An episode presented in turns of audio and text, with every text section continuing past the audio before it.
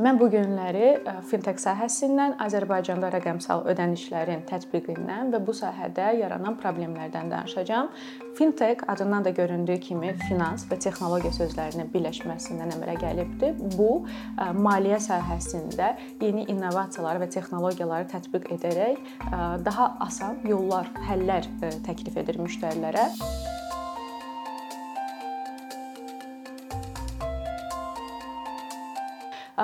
Fintech sahəsi dünyada çox uzun illərdə artıq başlayıbdı və bu sahə bu istiqamətdə çoxlu şirkətlər, startaplar yaranıbdı.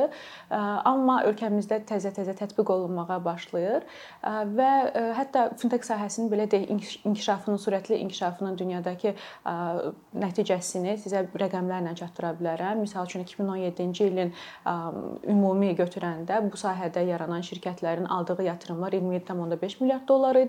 2018-ci ilin sadəcə e, ilk yarısında bu rəqəm artıq 57.9 milyard dollar idi və son illərdə də arta-arta gedir.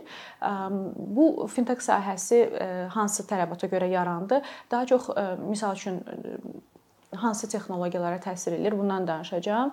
Məsəl üçün bir hesab açmaq üçün hansısa bir banka gedirsiniz, o bankda uzun-uzun sıra gözləyirsiniz, çoxlu vaxt itir, nə zaman sıra gələcəyi bilinmir və çoxlu sənədlər toplanılır. Bu sənədlər toplanandan sonra artıq gedilir. Lazım olmayan əskik bir sənəd olsa yenidən geri qaytarılır və yenə eyni sıranı gözləyir müştəri. Ancaq fintech icazə verir ki, artıq müştərilər sadəcə bankın internet səhifəsinə daxil olaraq öz hesablarını açsınlar və bu hesabları sadəcə 1-2 dəqiqə ərzində video call və yaxud da belə deyək, sadəcə öz sənədlərini yükləməklə rahat bir şəkildə hesablarını aça bilirlər və anında onların hesabları artıq yaranmış olur və bu ən əsası zaman itkisinin qarşısını alır. Ən əsası müəyyən bir fiziki sənədlərin, kağızların ən azından daha çox istismar olunmasını, israf olunmasının qarşısını alır.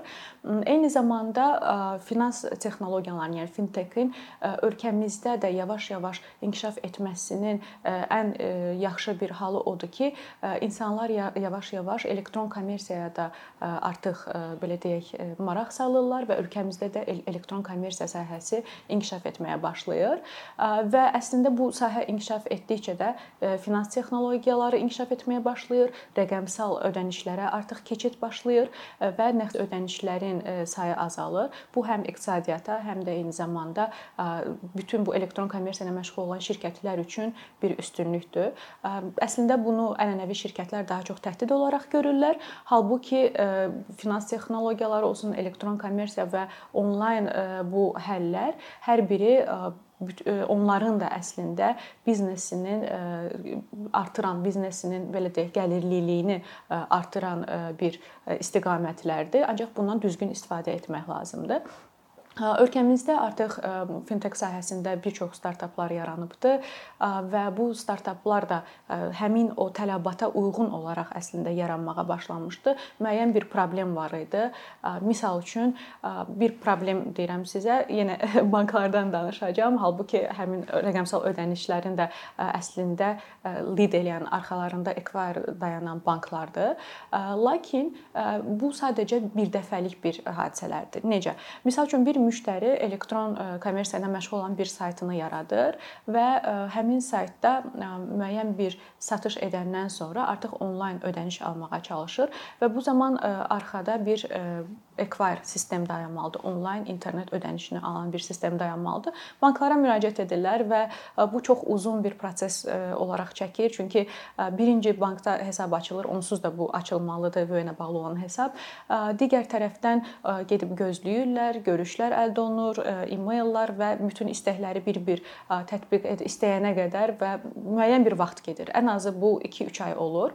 Lakin yeni yaranmış startaplardan rəqəmsal ödəniş Equire imkanlarından istifadə etdikləri zaman onlar artıq bu proseslərin hər birini keçdikləri üçün və bir çox API-ları bir sistemdə birləşdirdikləri üçün müştəri sadəcə onlardan qeydiyyatdan keçən zaman daha rahat və 1-2 dəqiqə ərzində artıq ödəniş hissəsi sahəsini öz saytına tətbiq edə bilər, inteqrasiya edə bilər.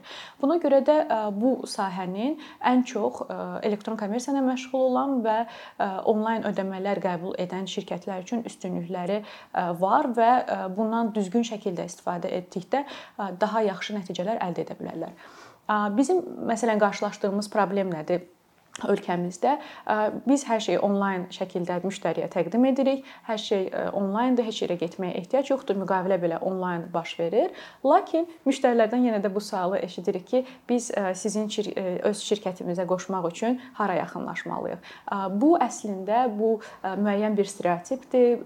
Çünki dayanmadan o banklarda olsun və yaxud da digər yerlər, qurumlarda olsun, sırada gözləməyə öyrəşən bir kütlənin əslində davranış şəklidir. Halbuki dünyada da neobanklar var, yenə də onlayn sadəcə banka yaxınlaşmada sadəcə də onlayn şəkildə də hesabları açmaq olar.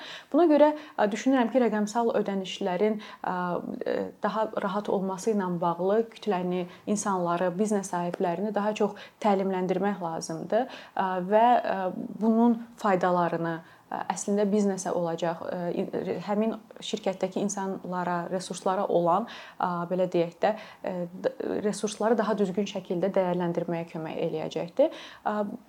Və rəqəmsal ödənişlərin dediyim kimi, daha öncə də qeyd etdiyim kimi, nağdsız ödənişlərin ən çox artıq geniş yayılması da həm iqtisadiyyatımıza, həm də elə bizneslərin də şəffaf şəkildə öz hesabatlarını, hesabatlıqlarını verməklərinə kömək olacaqdır. Belə.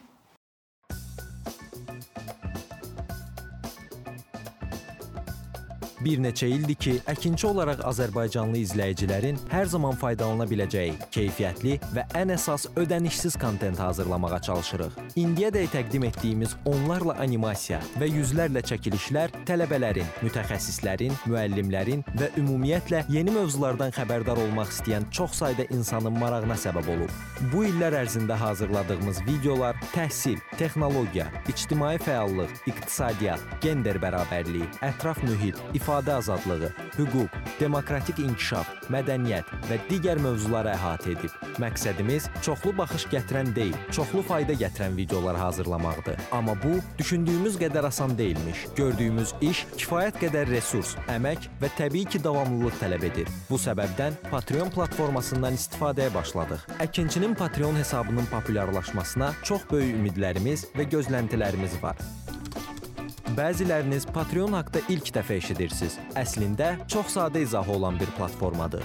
Təsəvvür edin ki, siz rəssam və ya musiqiçisiniz. Sosial şəbəkələrdə sizi izləyən, işinizi bəyənən çox sayda insan var. Patreon platforması sizə imkan verir ki, izləyicilərinizin könüllü aylıq ödənişləri sayəsində işinizi davam etdirəsiniz. Sərgi, konsert zallarından asılı qalmayasınız. Amma bu təkcə rəssam və musiqiçilərə aid deyil. Məsələn, əkinçiyə bənzər fəaliyyətlə məşğul olan bəzi layihələrin 10 minlərlə patronu var. Biz də düşündük ki, nə üçün əkinçinin Patreon hesabı olmasın? Sizin dəstəyiniz sayəsində sayəsində biz daha çox və daha keyfiyyətli kontent yaratmağa davam edə biləcəyik. Amma bu dəstək yalnız maddi dəstək deyil. Dəstəkçilərimizin sayının artması gördüyümüz işlərin faydalı olduğuna dair əminlik verir.